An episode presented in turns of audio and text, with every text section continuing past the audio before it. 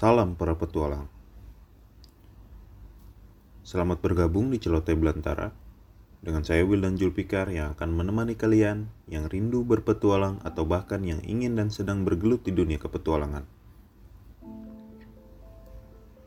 Banyak hal yang akan saya celotehkan di Celoteh Belantara, tentunya seputar dunia kepetualangan.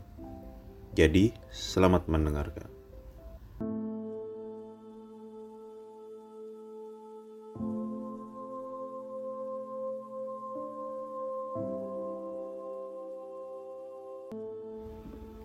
Dunia kepetualangan bukan menjadi hal yang asing di telinga masyarakat Indonesia, terutama kaum muda. Tidak sedikit untuk saat ini, orang-orang lebih memilih berkegiatan di luar ruangan, baik yang tujuannya untuk rekreasi, menjadikan konten pribadi, atau untuk sekedar menenangkan diri. Tapi sadarkah, jauh sebelum itu ada yang berkaitan sangat erat dengan dunia kepetualangan yaitu pecinta alam. Pecinta alam adalah orang-orang yang berhimpun di dalam sebuah organisasi, baik itu bersifat umum ataupun di bawah naungan sebuah instansi. Dan kali ini kita akan ngobrol-ngobrol secara virtual dengan salah satu anggota pencinta alam di Bandung yang saya juga udah kenal dekat dan pasti kalau pecinta alam di Bandung pasti kenal sama dia. Selamat bergabung Teh Resti Paujiah Utari Iqbata atau biasa dipanggil Ibu Uut. Selamat bergabung di Celoteh Belantara. Kumaha Bu kabarna? Damang? Alhamdulillah kalau ditanya kabarnya seperti apa, Uut lebih memilih untuk berdoa, mendoakan diri Uut semoga selalu diberikan kesehatan, kebahagiaan dan tetap riang gembira gitu loh Pak. Kalau Bapak di Jakarta bagaimana kabarnya? Wildan di sini alhamdulillah berada di kondisi yang baik dan sehat dan terus berusaha menjaga kondisi itu. Jadi buat teman-teman yang nggak tahu nih, Ibu Uut ini merupakan salah satu anggota pencinta alam di Bandung Nama organisasinya Himpala Itenas.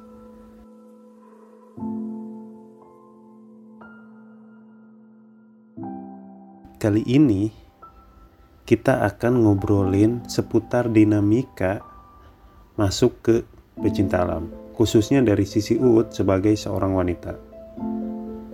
Jadi, selamat mendengarkan.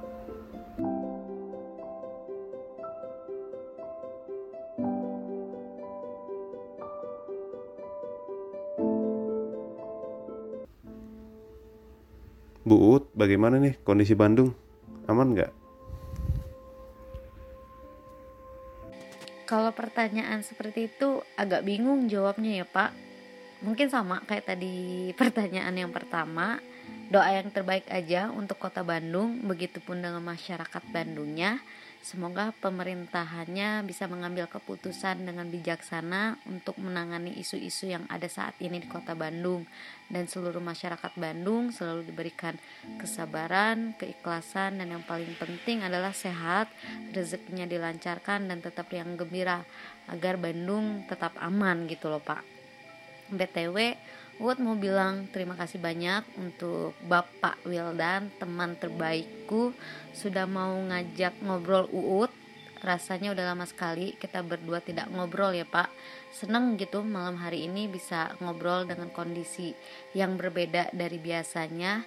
Lumayan deg-degan, belum terbiasa ngobrol sambil di record seperti ini mudah-mudahan apa yang nanti diutarakan oleh Uut tidak menimbulkan kekeliruan gitu bagi teman-teman atau followersnya Bapak Wildan yang mendengarkannya. Sehingga nanti persepsi perbincangan mengenai pecinta alam jadi tidak keliru gitu loh. Di sini Uut hanya berbagi sepenggal cerita berkesan Menurut Uut, bukan berarti Uut di sini juga mewakili sebagai pecinta alam ataupun organisasi Uut, melainkan di sini Uut hanya ingin menceritakan pengalaman Uut menjadi anggota pecinta alam. Gitu loh Pak. Terima kasih banyak. Nah, benar sekali Bu Uut. Jadi yang penting di kondisi sekarang yaitu menjaga kebahagiaan kita. Karena kalau diri kita merasa bahagia, pasti kondisi badan kita juga terus uh, memancarkan aura-aura positif gitu. Ya tentunya dengan uh, melakukan kegiatan-kegiatan yang emang dirasa itu bisa menunjang atau meningkatkan kebahagiaan kita, tapi tetap mematuhi protokol yang dianjurkan oleh pemerintah. Nah, ngomongin perihal kita ngobrol ya emang ya Wildan juga ngajak ngobrol buut ya ini karena ya kangen juga gitu. Kita udah lama banget anjir semenjak pandemi ini keterbatasan kita ngobrol bareng itu berdiskusi bareng tuh bener-bener terbatasi itu mungkin waktu itu kita belum ngeh bahwa banyak media yang bisa kita pergunakan. Tapi kan habit kita habit kita tuh ya ngobrol tuh saling hadap. Ada rokok ada kopi ngobrol entah itu ke, ngomongin apa kayak ngomongin negara ngomongin adik-adik ngomongin kegiatan gitu nyampe emang gak tahu waktu gitu ya ngobrol dari sore nyampe subuh misalnya ya itu kita bahagia gitu lakuin itu dan di kondisi pandemi ini kita dipaksa untuk menyesuaikan hal-hal tersebut gitu. Nah, di celoteh belantara kali ini juga gitu.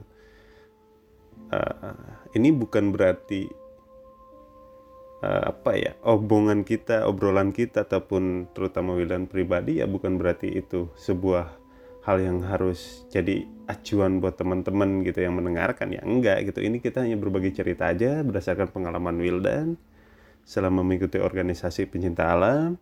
Begitupun termasuk pengalaman Bu Ut jadi terima kasih kembali Bu Ut uh, sudah mau mampir sudah mau ngobrol di Celote Belantara setidaknya lah dengan ngobrol virtual kayak gini bisa ngobatin kangen kita berdiskusi kembali buat Wildan ingat terakhir kita berdiskusi itu di halaman sekretariat Mapagri ya sambil ngeliwat kalau gak salah sama Cibun. Siapa lagi ya? Oh Mang Dede sama Mang Dede dan lainnya. Ya kita berceloteh aja lah di celoteh belantara ya gini Bud nih untuk yang pertama-tama nih mau nanya nih ke Bud Bu Uut masuk Himpala itu kapan sih? Uut masuk Himpala tahun 2013. Pada bulan Januari, Uut dilantik sebagai anggota muda Himpala Itenas Bandung. Proses untuk menjadi anggota muda di organisasi Uut pada kala itu ada tiga tahap, yaitu tahap pra selama 3 sampai 4 bulan diisi dengan materi kelas, simulasi dan praktek yang berkaitan dengan kurikulum pecinta alam Lalu ada tahap kedua yaitu pelaksanaan selama dua minggu di lapangan, start perjalanan di daerah Padalarang Ciburui dan titik dan titik akhirnya itu di Tangkupan Perahu. Media latihannya saat itu ada tebing, sungai, gunung, dan hutan. Semua dilakukan long march atau perjalanan jauh dengan berjalan kaki dan membawa ransel dengan beban yang cukup lumayan berat saat itu setengah dari berat badan Uut sekitar 25 kilo yang Uut bawa di pundak. Lumayan agak berat gitu loh. Udah mah badan kecil gitu ya semakin kecil aja saat itu tuh merasakannya. Lalu kebetulan eh, ada dua cuaca yang Uut rasakan saat di apa di lapangan ya. Ada cuaca yang panas terus ada badai. Yang Uut ingat pada saat long march di rel kereta api cuaca lagi panas menyengat oleh teriknya matahari. Lalu saat long march melewati gunung Buranglang menuju situ Lembang cuacanya sedang badai sekaligus udaranya benar-benar dingin banget kalau Bapak Wildan rasanya Bapak Wildan pernah deh ke sana kayak gimana dinginnya kan lalu tahap terakhir ada pasca ya pembuatan laporan atau jurnal. Mungkin segitu cerita yang benar-benar sekilas awal mula saya masuk atau menjadi anggota Himpala Itenas gitu. Masih begitu panjang ceritanya, mungkin durasinya tidak cukup hanya pertanyaan ini aja. Yang pasti proses awal mula saya masuk Himpala adalah proses yang begitu menyakitkan buat saya namun benar-benar sangat berharga. Sehingga Uut sendiri bisa bangga dengan diri Uut gila ternyata aku bisa aku hebat gitu loh. Sulit untuk melupakan momen di proses awal mula saya masuk Himpala dan rasanya ingin terus berulang kali mengucapkan terima kasih banyak untuk Satuan Komandan Latihan Pendidikan dan Latihan Dasar Angkatan 23 Himpala Itenas Bandung. 2013 ya.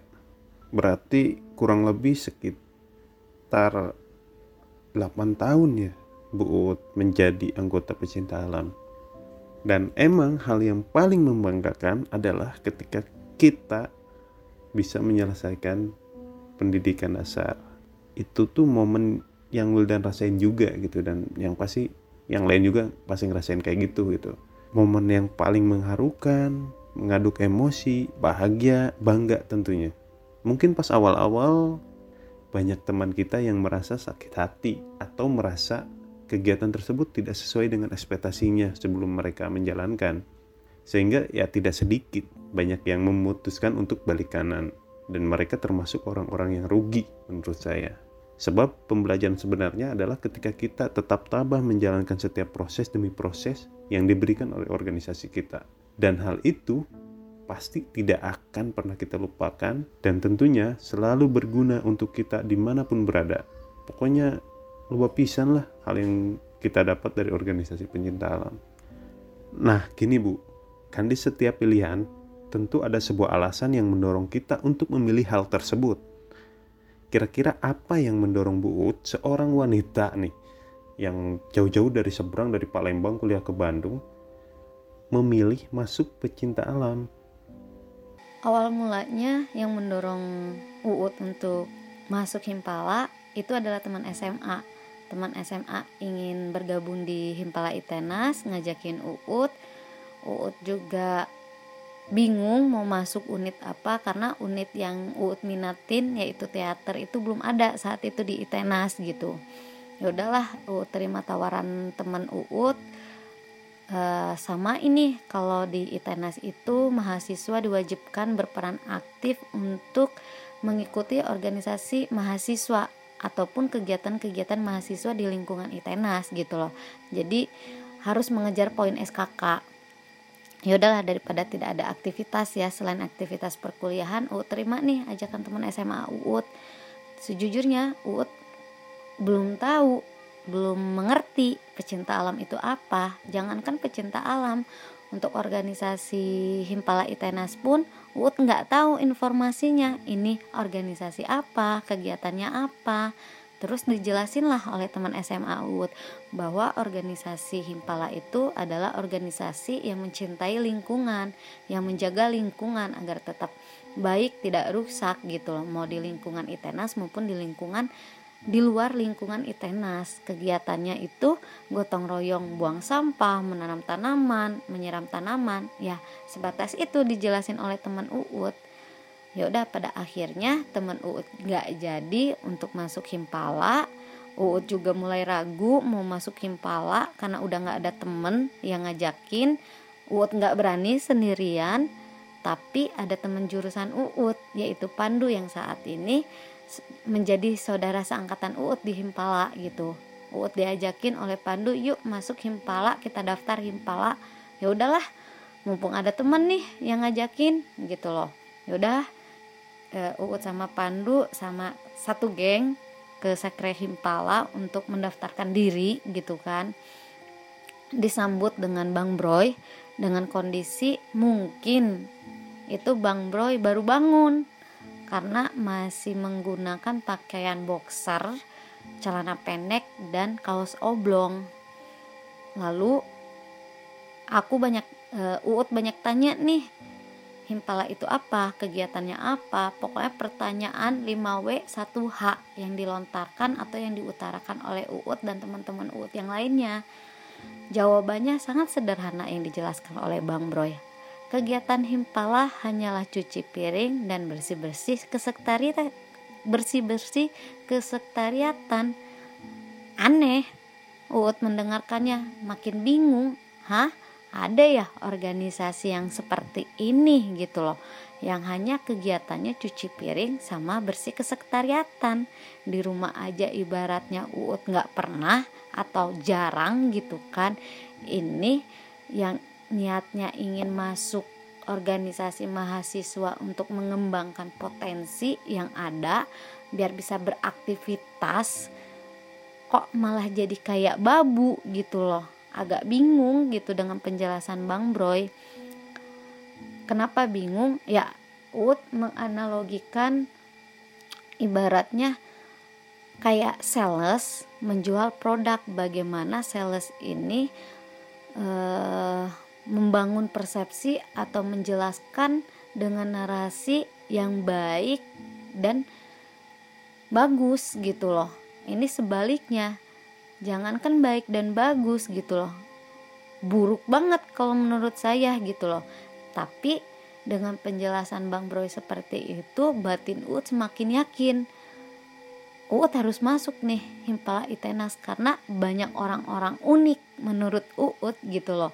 Bang Broy itu adalah uh, yang Uut langsung persepsikan oke okay, ini unik sekali orang-orangnya. Uut belum melihat bukan melihat sih maksudnya Uut pertimbangan UUT bukan organisasinya tapi yang jadi pertimbangan UUT adalah Bang Broynya luar biasa keren gitu loh. Dia uh, UUT menilai oke okay, uh, berani tidak takut kehilangan atau tidak takut nggak ada yang daftar. Berbeda sama unit yang lain unit yang lain itu menjual menjual dengan sangat baik, menjelaskan dengan sangat bagus bagaimana mahasiswa baru bisa daftar di unit tersebut. Dan hanya himpala penjelasannya sangat aneh.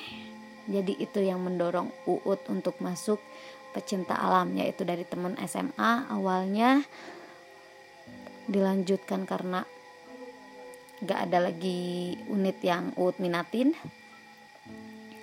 terus untuk memenuhi aktivitas biar nggak boring nanti di ITENAS sama yaitu perilakunya Bang Broy pada saat menjelaskan terhadap calon anggota yang baru. Jadi emang faktor utama yang mendorong Bu Uut mendaftar di Himpala itu karena melihat karakter yang beda dari anggota Himpalanya kan. Nah ini kasusnya hampir sama kayak Wildan. Jadi Wildan juga masuk ke Mapagri itu gak ada basic sama sekali gitu, gak seneng naik gunung, gak apaan sih pecinta alam itu, apaan sih organisasi gitu, ya sama gitu. Dan salah satu faktor yang menyebabkan Wildan masuk ke Mapagri adalah ngelihat karakter anggotanya juga. Uh, si Kang Dimas, Buut, Buut juga pasti kenal deh.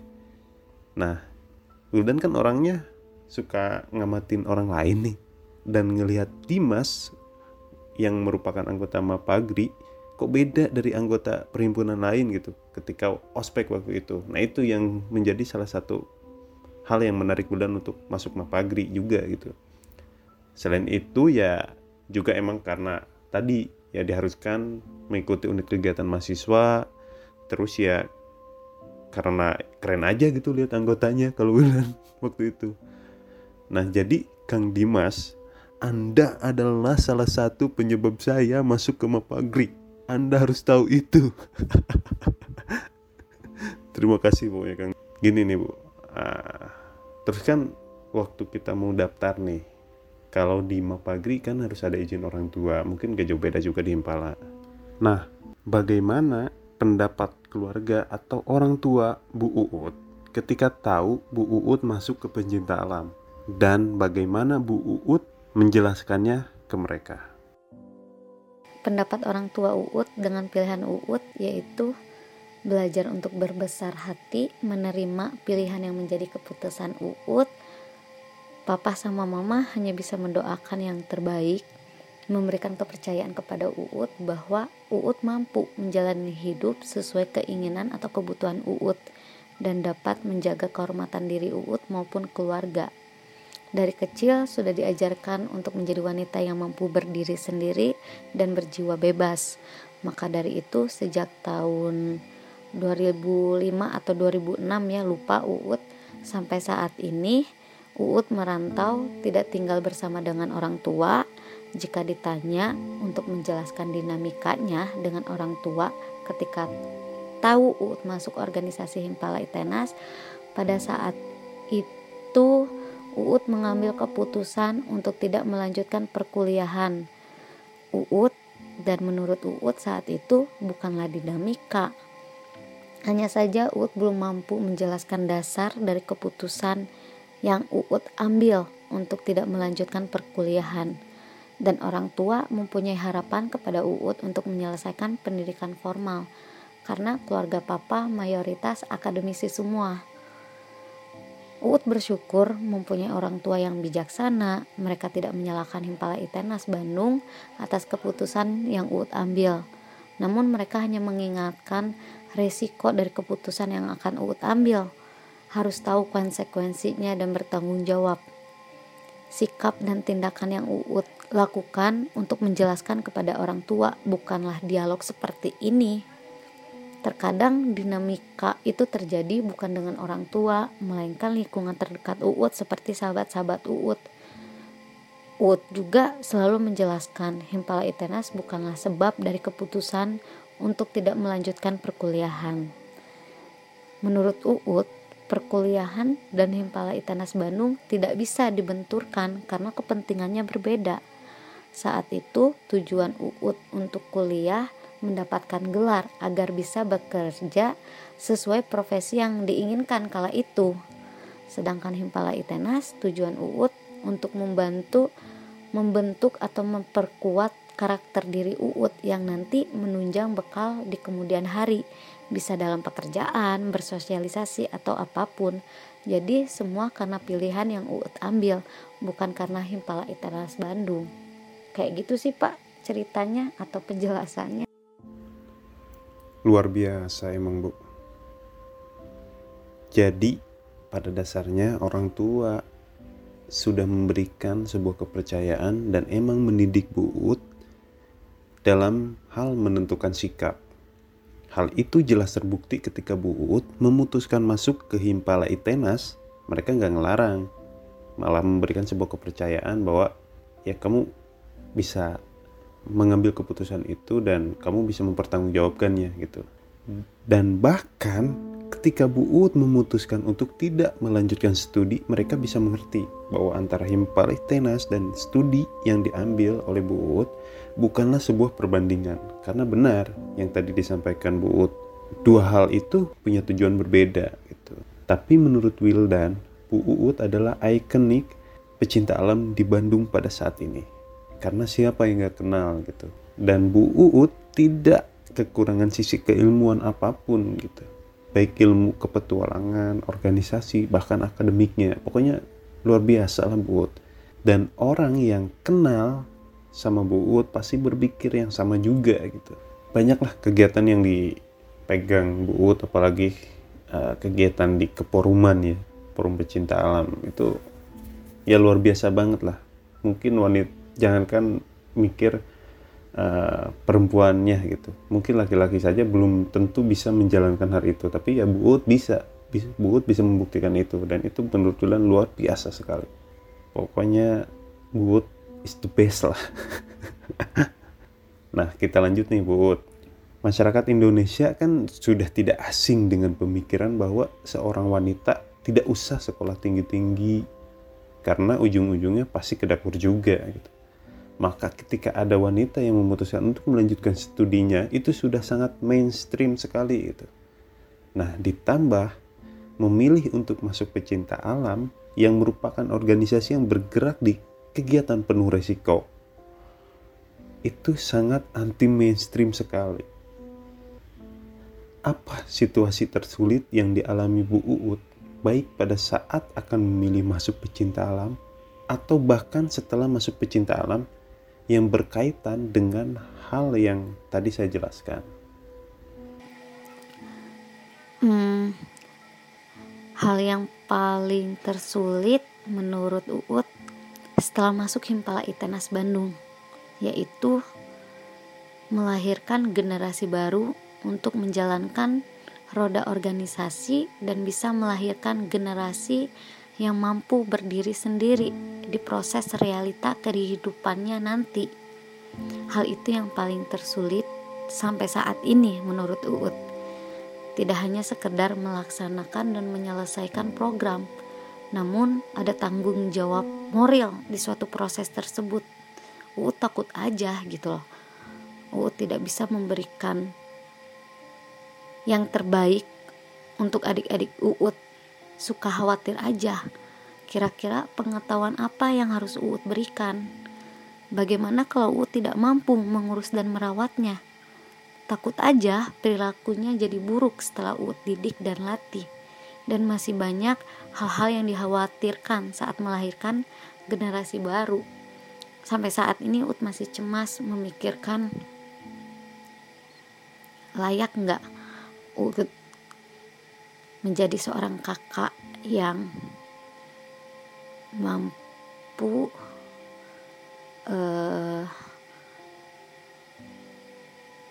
mendidik dan melatih adik-adik Uut gitu loh. Ya itu sih yang paling tersulit menurut Uut agak susah juga Uut jelaskan gitu. Setuju pisan, Bud. Eta beban moral pisan emang. Kadang ya kita suka merasa resah sendiri itu ketika adik-adik kita bisa lebih baik dari kita gaya gitu terus atau malah sebaliknya gitu.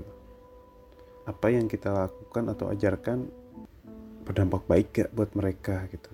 Ya beban moral banget emang. Dan emang sulit banget hal itu gitu dan saya rasa ya itu hal tersulit yang dialami setiap anggota pecinta alam itu. Menciptakan regenerasi lebih baik lagi gitu. nih makanya buat adik-adik kita nih yang dengerin banyak keresahan yang kakak-kakak kalian rasakan gitu untuk kalian. Dari semua hal itu tujuannya ya supaya kalian bisa lebih baik dari kita gitu. Dan menjalankan roda organisasi lebih hebat daripada kita. Oke nih Bu, tadi kan bercerita tentang situasi atau hal yang tersulit lah ya. Sekarang Wildan pengen tahu nih kondisi yang paling membanggakan dari Bu Uut ketika berkegiatan di pecinta alam. Momen bahagia ketika telah berakhirnya pendidikan dan latihan dasar Himpala Itenas di upacara pelantikan untuk menyambut anggota baru atau anggota muda Himpala. Momen tersebut paling bahagia menurut Uut karena entah bagaimana hati Uut tiba-tiba dapat merasakan ketulusan seluruh anggota Himpala menyambut adik-adiknya. Artinya, mungkin ada harapan seluruh anggota Himpala kepada generasi baru ini bahwanya mereka lah yang akan menjalankan roda organisasi, menjalankan nilai-nilai yang berharga untuk diteruskan kembali dan mungkin mudah-mudahan menjadi generasi yang dapat membuat perubahan menjadi lebih baik. Ya itu eh, momen bahagia menurut Uut.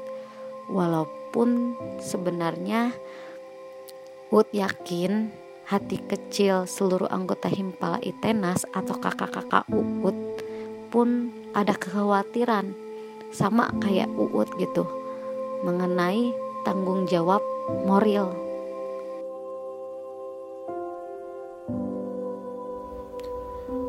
Jelas emang momen itu paling membahagiakan bagi kita-kita ini, Bu.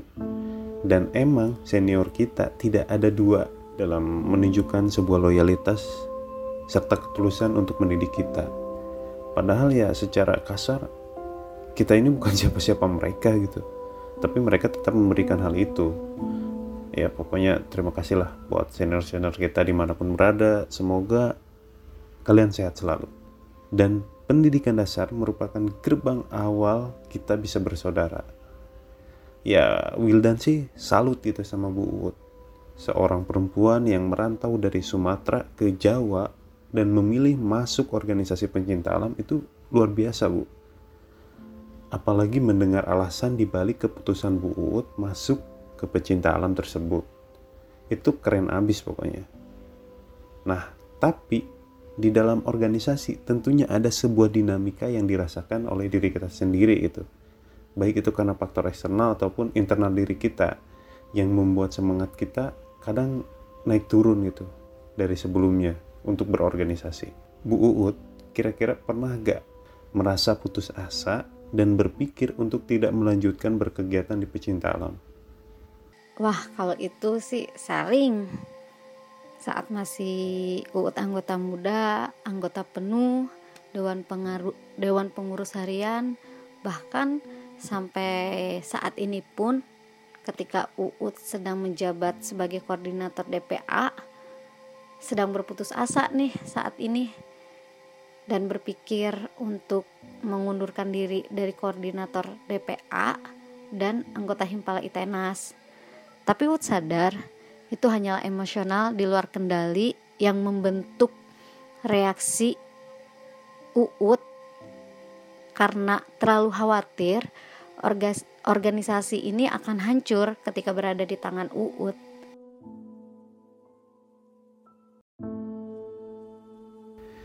Ternyata seorang Uut si Wonder Woman pecinta alam di Bandung pernah putus asa juga. Tapi ya kayaknya setiap orang pernah berada di posisi tersebut gitu. Termasuk Wildan. Tidak sedikit Wildan juga terbawa emosi semata hingga mencoba untuk mengundurkan diri dari organisasi. Tentunya alasannya tidak jauh beda dengan Uut karena ketakutan itu. Tapi intinya kita hanya butuh teman diskusi untuk meluapkan keresahan kita. Ya, setelah kita diskusi, ngobrol, pasti nanti akan ada titik temu keputusan yang lebih baik dibanding dengan pemikiran yang sebelumnya. Jadi intinya apa pun harus diobrolkan. Pokoknya semangat buat Bu Uut dalam tugas yang sedang dijalankan sekarang. Semoga dengan ngobrol di Celote Belantara bisa sedikit melegakan keresahan tersebut. Dan tentunya Bu Ut pasti bisa lewatin itu semua. Terakhir nih Bu, karena kalau dilanjutkan gak bakalan beres sehari kita ngobrol. Paling nanti kita buka sesi berikutnya deh. Kita ajak juga kawan-kawan yang lain gitu. Buat Bu Ut nih, sebutkan tiga kegiatan yang paling memorial dan melekat di ingatan Bu Ut. Dan ceritakan seperti apa itu. Kegiatan yang paling melekat ketika UUT menjadi wasdal atau pengawas pengendalian pendidikan dan latihan dasar Himpala Itenas.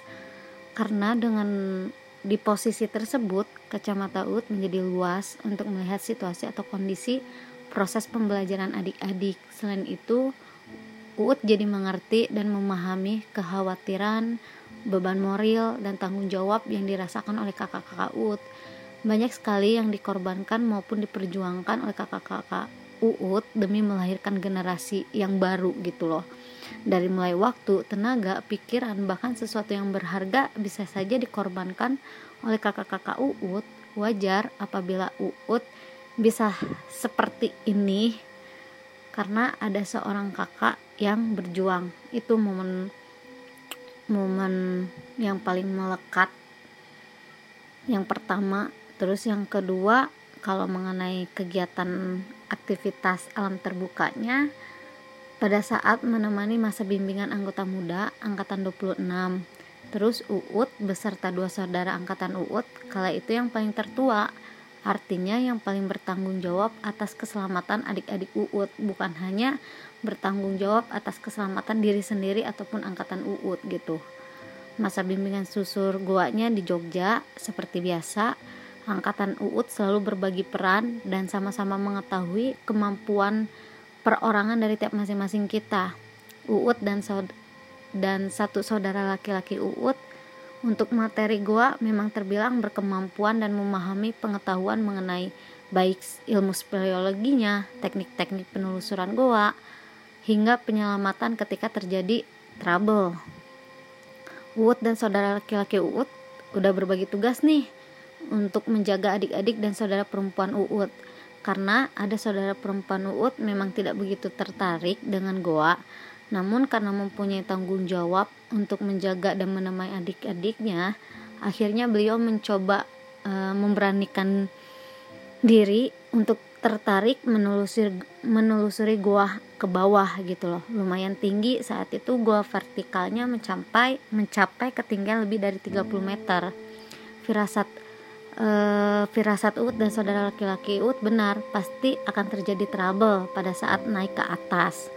Saudara laki-laki Ut uh, bagian leader untuk menjaga di atas maka dia orang pertama ke atas bersama satu orang adik Uut di angkatan 25 saudara perempuan Uut kebagian orang ketiga untuk ke atas saat melakukan single rope up apa sih? Saat melakukan single rope teknik dengan menggunakan alat sederhana seperti webbing yang dijadikan harness Avanti, hand extender, chest extender dan alat-alat yang lainnya. Karena kenapa pakai webbing? Himpala mencoba memberitahukan eh, mengajarkan bukan memberitahukan ya mengajarkan e, jangan berhenti bereksplorasi hanya karena berkendala dengan peralatan yang ada tapi coba kamu memahami prinsip-prinsip untuk mengeksplorasi gitu loh. Jadi mau alat sesederhana pun kamu masih tetap bisa bereksplorasi. Kayak gitu loh tapi tetap dengan keamanan dan keselamatan.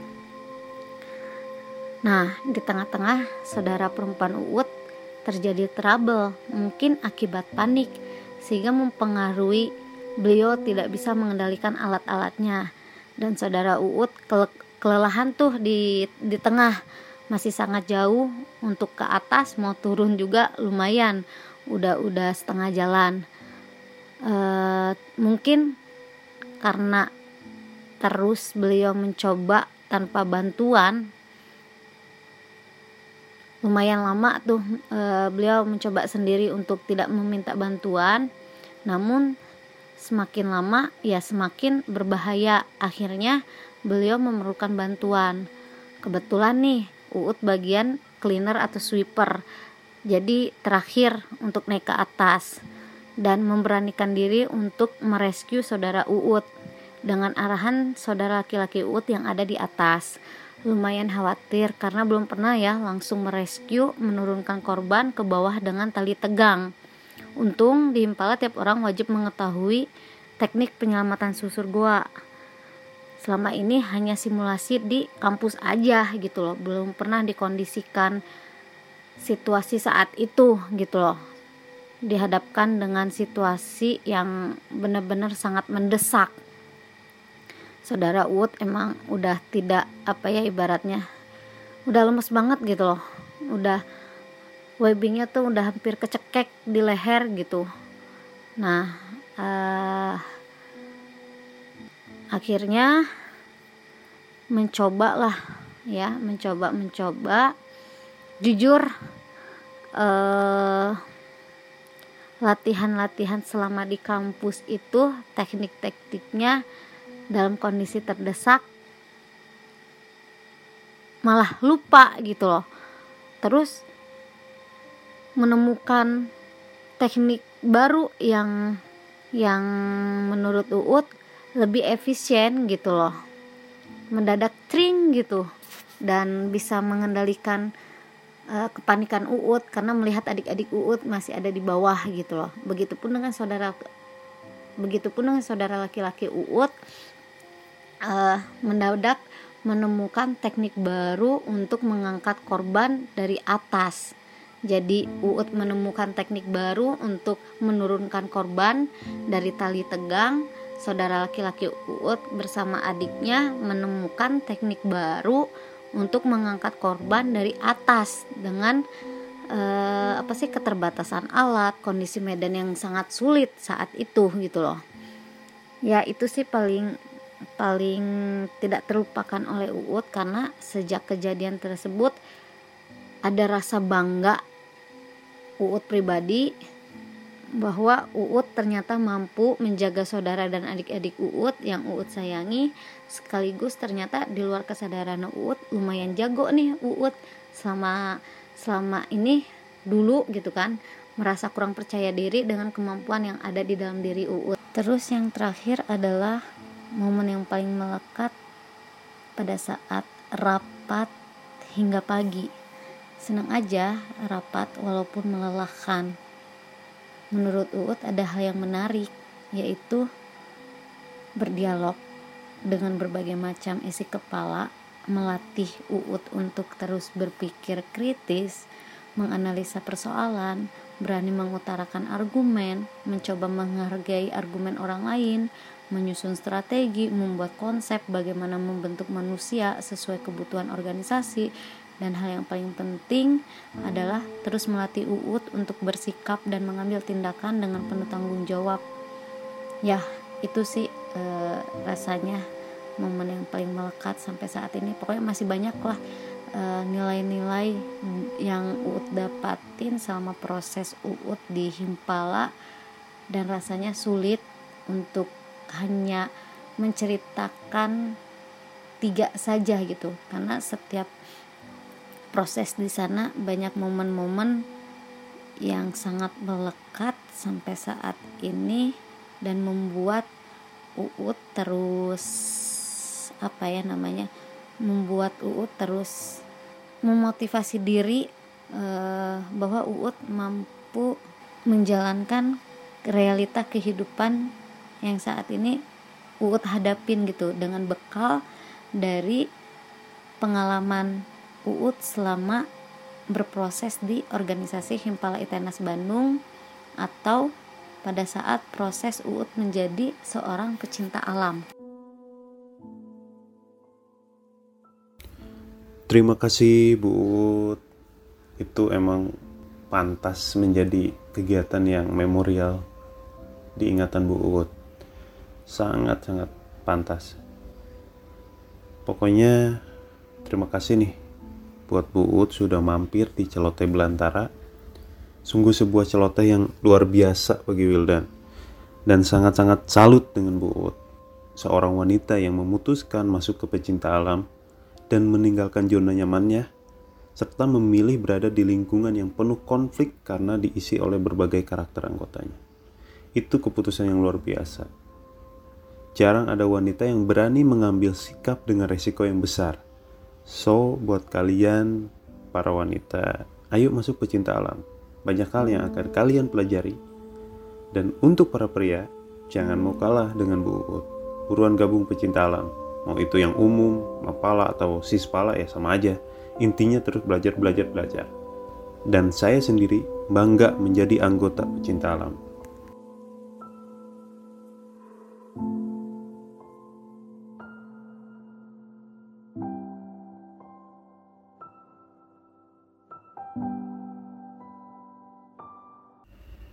Terima kasih buat kalian yang sudah mendengarkan celoteh belantara.